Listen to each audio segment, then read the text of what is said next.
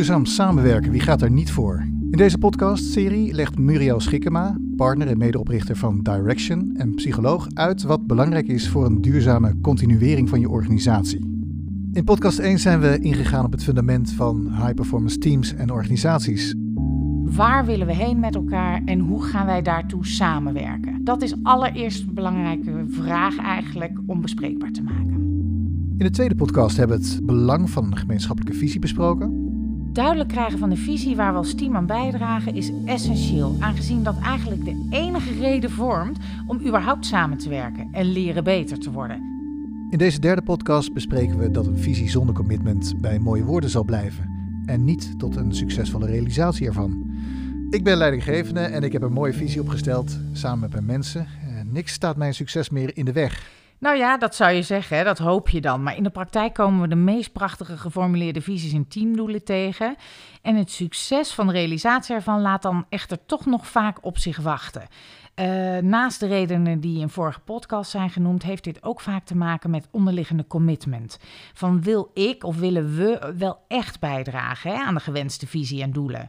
En dan kennen we bijvoorbeeld het gemeenschappelijke doel wel en we weten ook wat we daarvoor hebben te doen hè, in gedragstermen. En toch gaan we er niet voor. Zonder commitment beweeg je natuurlijk een bepaalde kant uit, maar ga je het niet volhouden. Ja, en waarom is het zo moeilijk om te zorgen dat iedereen aanhaakt?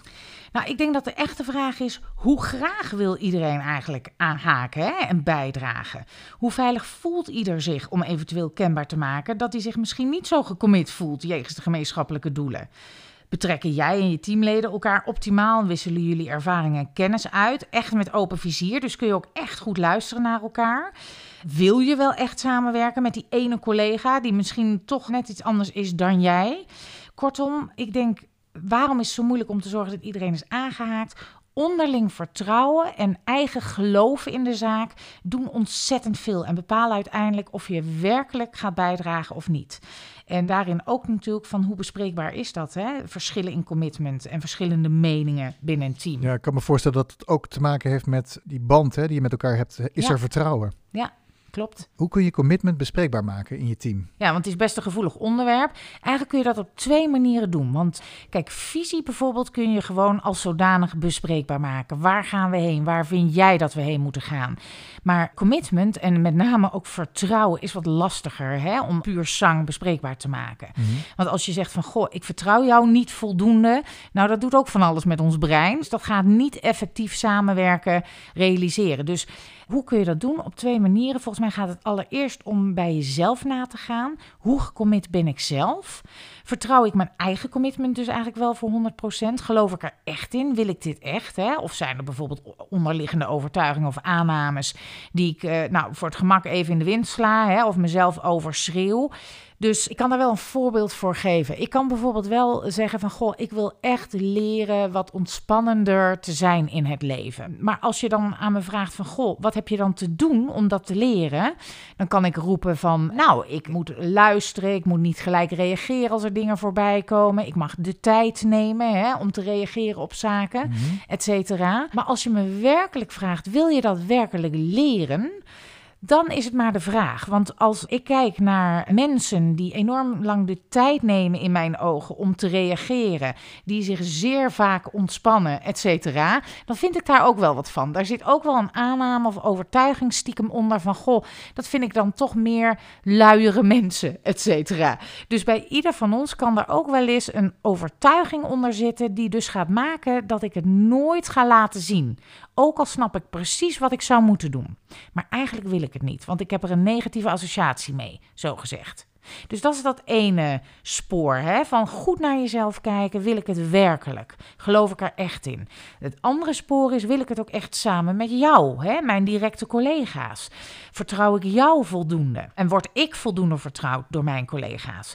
Dus het gaat echt over hoe maak je commitment bespreekbaar, door eigenlijk verschillen in meningen bespreekbaar te maken, door te vertellen waar je wel in gelooft, onder welke voorwaarden, wanneer je er niet meer in gelooft, doordat dus op die manier met elkaar te verkennen en onderzoeken. Ja, met elkaar verkennen en onderzoeken is belangrijk. Ja. maar wat vraagt het ook van de leidinggevende in dit geval?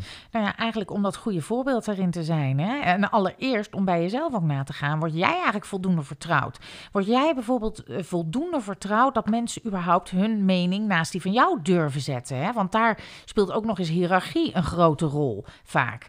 En je realiseren dat die betrokkenheid van mensen en commitment die mensen afgeven wel degelijk ook jouw is. Je kan dat stimuleren door onderling vertrouwen te stimuleren en inclusie van verschillen te stimuleren.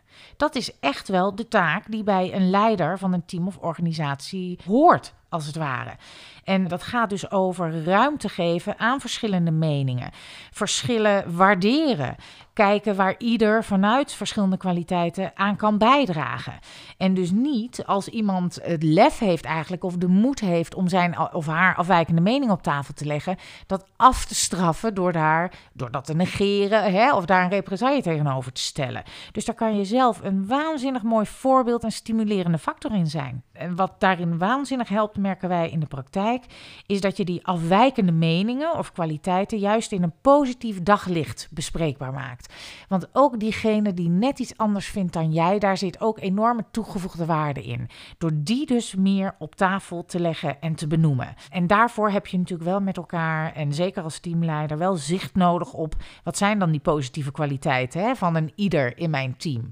En daar zijn allerlei hulpmiddelen bij te bedenken, zoals een feed-forward analyse, die dat eigenlijk heel inzichtelijk maakt. Om kwaliteiten in kaart te brengen. Ja, hoe belangrijk is die inzichtelijkheid? Hoe belangrijk is het zeg maar, om kennis te te, te, bundelen in modellen bijvoorbeeld? Ja, het is heel belangrijk, want ik kan heel lastig de waarde van het andere inzien als ik er niet de toegevoegde waarde van kan inzien, dus de positieve kant. Anders blijf ik hangen als mens met mijn brein, hè, die toch wat angstgedreven is, aan de negatieve kant ervan. Dus eigenlijk is het heel belangrijk om juist die positieve kant ook bespreekbaar te maken. Ik kan me irriteren aan misschien mensen die zeer detailistisch zijn hè, en heel degelijk alles voor de 100% in kaart willen brengen. En ik kan ook zien dat het een waanzinnige toegevoegde waarde heeft en kwaliteit brengt. Meer dan bijvoorbeeld mijn kort door de bocht hè, aanpak soms. Dus het gaat elke keer over en en. En het heeft misschien nadelen of irritante kanten. En het heeft ook voordelen. En het is als leider heel belangrijk om ook de verschillen in je team ook vanuit die voordelen en toegevoegde waarde op te pakken en bespreekbaar te maken. Je hebt het over het, uh, het stimuleren van inclusie, ja. um, maar ook het onderling vertrouwen stimuleren. Ja. Maar stel nou dat dat vertrouwen totaal ontbreekt in het team. Ja. dan heb je wel een flinke uitdaging, lijkt mij. Ja. ja, dan heb je zeker een flinke uitdaging. Dat is ook wat wij merken bij de high-performing teams en organisaties die wij onderzoeken wereldwijd. Te vertrouwen zijn, dat onderling vertrouwen is bazaal het belangrijkste uitgangspunt voor eventueel succes later als groep. Je hebt met elkaar samen te leren steeds beter te worden in iets, omdat je dat samen wil leren te doen. Uh, heb je elkaar tot op zekere hoogte echt te vertrouwen. Dus als dat vertrouwen ontbreekt of te laag is, is dat het eerste waar je eigenlijk aan hebt te werken met elkaar. Het goede nieuws is wel, hè, want vertrouwen is natuurlijk wel een soort van containerbegrip. Waarvan je denkt, ja, heel leuk en heel logisch, maar hoe doen we dat dan? ja. Aan vertrouwen kun je wel bouwen. Het is een soort van actief werkwoord, kun je ervan maken. En de definitie die ik hanteer is eigenlijk gebaseerd op vele verschillende definities die ik de afgelopen jaren daarin tegen ben gekomen in de markt. En de essentiële ingrediënten, die komen wel in al die definities eigenlijk overeen. En het gaat om drie essentiële ingrediënten. De formule voor vertrouwen luidt eigenlijk als volgt. Er staat iets boven de gemene deler, namelijk als eerste de geloofwaardigheid. Vind ik jou geloofwaardig? Als ik naar je kijk, naar je luister, geloof ik je dan? Hè? En, en, dat is natuurlijk ook een mhm. enorm containerbegrip, abstract begrip. Maar daar kun je zeker wel wat aan doen. Hoe geloofwaardig ben jij bijvoorbeeld? Nou, geloofwaardigheid kun je als volgt zien. Stel je mij, leert mij kennen en je denkt, oh, dat is die resultaatgerichte Muriel, hè, die altijd door de gangen loopt te scoren, bijvoorbeeld. Ja, Nou, dat is blijkbaar hoe ik ben, hè. dat is mijn authentieke gedrag wat ik laat zien. En hopelijk in spannende tijden, onzekere tijden, zie je mij nog steeds resultaatgericht, scorend door de gangen lopen. Hè? Want dat is wel zo consistent en authentiek. Ik hoop echter ook dat ik op dat moment en authentiek blijf, dus resultaatgericht door de gangen loop te scoren. En dat ik op dat moment ook een stukje kwetsbaarheid laat zien. Namelijk, poeh, nu vind ik het ook even lastig. nu het zo onzeker is. Of nu heb ik er ook even een vraagteken of twijfel bij. Dus geloofwaardigheid, daar kun je aan werken. In hoeverre ben jij ook in staat, want je kunt alleen maar aan je eigen vertrouwen hè, werken of veranderen. Dat maakt een mens, dus ook jou, geloofwaardiger voor de ander. Dus op dat element kun je nou actie zetten. Dat is het eerste element. Het tweede element is betrouwbaarheid. En dat is eigenlijk niets meer of minder dan doe je wat je zegt en zeg je wat je doet. Dat werkt ook zo op teamniveau als ik kijk naar die productieafdeling, ze roepen wel altijd wat, maar als het niet over hun gaat, dan zijn ze niet thuis. Hè? En dan gaat wel de deur dicht. Ze roepen wel, de deur staat open, maar als het even spannend wordt, gaat die deur dicht.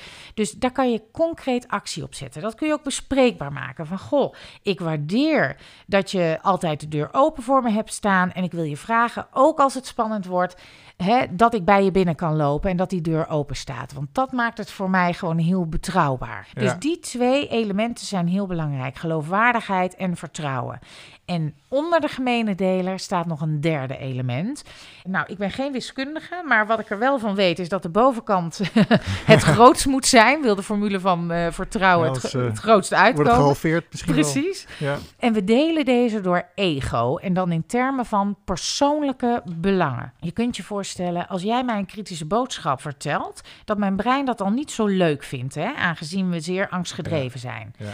Ik kan het echter beter van je hebben als je dat doet. En ik weet en voel aan alles dat je dat doet. Niet om de stoelpoot onder mijn stoel vandaan te zagen. Maar omdat het collectief belang daarbij gebaat is. Dat jij mij dit vertelt. Dat ik dingen net ook even iets anders moet doen. Dus als dat ego zo klein mogelijk is, waarvanuit jij dat doet, maar het collectieve belang zo groot mogelijk. Dus aan vertrouwen kun je bouwen. Vertrouwen kun je dus ook bespreekbaar maken. Niet door het woord vertrouwen in de mond te nemen, maar door het hebben over: hey, hoe consistent is de ander hè, in iets? Is hier het collectieve belang centraal gesteld of is hier een persoonlijk belang centraal gesteld? Dat kun je gewoon bespreekbaar maken met mensen. Ja, hoe maak je je ego nou zo klein mogelijk? Dat uh, lijkt me voor een aantal mensen die we kennen in, uh, in de wereld uh, heel moeilijk. Maar... Is ook lastig. En, en laten we ook niet spannend doen. Hè? Iedereen heeft een ego, dus dat is ook zoals het is. Ik denk dat je hem zo klein mogelijk kunt maken, of in ieder geval zo'n min grote rol kunt geven door eigenlijk het collectief belang te benadrukken. En dan zijn we weer terug eigenlijk bij dat gemeenschappelijke resultaat waar we het allemaal voor doen. Dat collectieve belang in de organisatie of het team. Die moet constant centraal worden gesteld. En niet zozeer wat ik daar persoonlijk elke keer in wil winnen, als het ware. Dus begin ook wel bij jezelf in deze, of niet? Absoluut, ja. Maar dat geldt eigenlijk voor alles hoor. Het is, uh, ja, je kan jezelf alleen maar veranderen, hè? niet de ander. Dus daar komt het toch elke keer weer op neer. Dus hoe kun jij bouwen aan dat andere mensen jou nog meer vertrouwen? Hoe kun mhm. jij bouwen als teamleider aan het vertrouwen binnen in je team? Door inderdaad verschillen de ruimte te geven, et cetera. Maar wel dat collectief belang centraal te stellen blijven stellen. Werk aan de winkel dus voor de leidinggevende. Ja. En ja, wat mag je op dit gebied van de medewerkers verwachten? Nou, ik denk hetzelfde. Kijk, de leidinggevende vormt het fundament hè, voor eventueel succes van het hele team. Dus die zal dingen centraal moeten stellen, herhalen en elke keer weer benadrukken. Neem niet weg dat als we dat met elkaar afspreken met de teamleden, dat ook zij dat gaan belichamen en uitademen. Het is heel belangrijk om elkaar gewoon goed te leren kennen. Om die visie bespreekbaar te maken met elkaar en ook de commitmenten bespreekbaar te maken en ieders bijdrage daaraan en hoe ieder daarnaar kijkt. En daar zit een verantwoordelijkheid bij de leidinggevende, maar ook wel degelijk bij de collega's en de medewerkers dus. En het is dus eigenlijk pas effectief als iedereen in een team dat gaat doen. Maar goed, het blijft zo. De rol van de leidinggevende is uiteraard wel sturend en bepalend. Ik kan me voorstellen dat een deel van het team een commitment heeft, hè? maar Stel nou dat je geen commitment bereikt met iedereen in je team. Ja, wat zijn dan de opties? Ja, dat is een lastige vraag. Ik, ik heb het daar vaker over. Hè. Wij, wij verzorgen ook trainingen rond hoe ga je nou om met high-performende medewerkers en lager performende medewerkers. Hoe doe je dat nou? Hè? Dat, dat betrekken van iedereen. Ja, en het enige wat ik eigenlijk kan zeggen, wat wij ook leren van die succesvolle organisaties in ons wetenschappelijk onderzoek, is het bespreekbaar blijven maken. Alleen als ik kijk naar die succesvolle leiders, eh, valt me daarin wel iets op. Namelijk dat zij dat niet uit ten treuren blijven doen. Want zij zeggen eigenlijk dat collectief belang is leidend.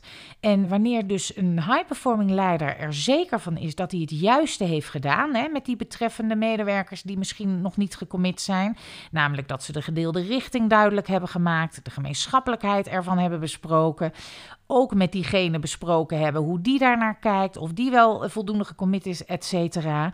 Ja, dan komt er toch ook een moment waarop je met elkaar moet besluiten: hé, hey, we hebben het hier nou al een paar keer over gehad. Misschien moet dit gesprek ergens anders over gaan.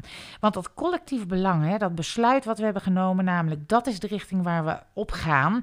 Dat is het kader. En daar heb je wel op den duur in mee te gaan als medewerker. Dan kan een leider ook heel goed zeggen: Ik heb goed naar je geluisterd. Ik begrijp waarom je het anders ziet. Hè, en dat jij naar een ander punt op de horizon wilt lopen en weet dat het kader wel blijft staan. Dus dan moeten wij samen een ander gesprek gaan voeren.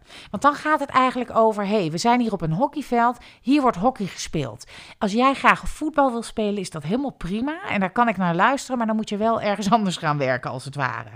Dus ja, die succesvolle leiders zijn toch wat besluitvaardiger met het omgaan met mensen die niet mee willen dan wij. Daar zijn we niet echt goed in, hè? Nee, zijn we helemaal niet goed in. En, en dat heeft echt te maken met bespreekbaar maken van zaken, maar ook niet uit een treuren. Drie keer iets besproken hebben, dan moet het toch duidelijk zijn. En dan moet er een vraag gesteld worden van, goh, wat is er niet duidelijk?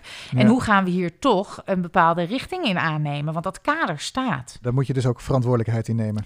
Zeker. En die verantwoordelijkheid is het allerbelangrijkste. Want de medewerker heeft er ook zelf voor gekozen om hè, bij jou als werkgever te komen werken. Ze zijn ook groot genoeg om een hypotheek af te sluiten en kinderen te krijgen. Ja. Dus ook die verantwoordelijkheid heeft iemand echt zelf te nemen.